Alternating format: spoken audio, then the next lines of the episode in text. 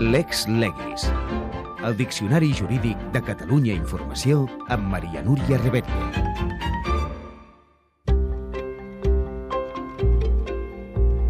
Autòpsia, què és? Respon Àngel Cucarella, metge forense. Una autòpsia és un procediment estandarditzat, tècnic, professional, a través de patòlegs forenses que pretén, mitjançant l'examen eh, de l'escena de la mort, mitjançant l'examen extern del cadàver, mitjançant l'anàlisi la, macroscòpic, visual i microscòpic, el detall dels òrgans, saber què ha passat, quan ha passat i per què. En quins casos es fa? L'autòpsia forense es fa sempre que hi ha una mort sospitosa de criminalitat o inexplicada. Hi ha l'autòpsia forense i la clínica. Quina particularitat té la forense? L'autòpsia forense, diguéssim, l'autòpsia reglada és pues, autòpsia cefàlica, cervical, tòraco-abdominal i, en casos, diguéssim, excepcionals d'extremitats o de nens petits, o ja depèn del cas concret, es modifica el protocol. I la clínica?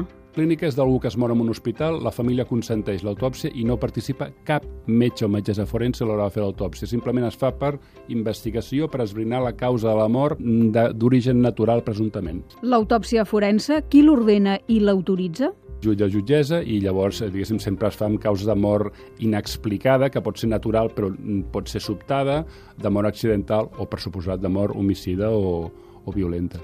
S'hi pot oposar la família? Sí, però si, si, el, si l'aixecament és judicial, el cos en aquest moment és judicial i, per tant, qui, qui determina el que s'ha de fer és el jutge, el que ens ordena.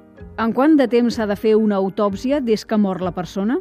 Normalment, contra més hores passen, més es poden anar perdent eh, concentracions de substàncies o, o dades externes a la pell. Per tant, es recomana certa premura quan és un cas d'un homicidi o un assassinat. Quin pes tenen, doncs, els resultats de l'autòpsia en un judici? Bé confirmar o descartar moltes coses, tantes com es puguin. A vegades no es pot identificar exactament l'última causa de mort, si és una mort natural, una parada cardíaca, una mort elèctrica o del sistema elèctric del cor, però sí que descartem que hi hagi hagut participació de terceres persones. Per tant, ja de moment sabem que no és una mort violenta, és una mort natural.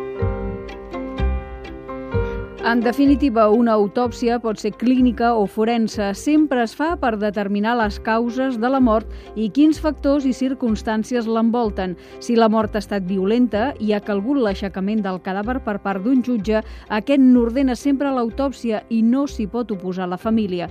L'autòpsia no sempre és concloent. Els seus resultats tenen valor de prova en un judici.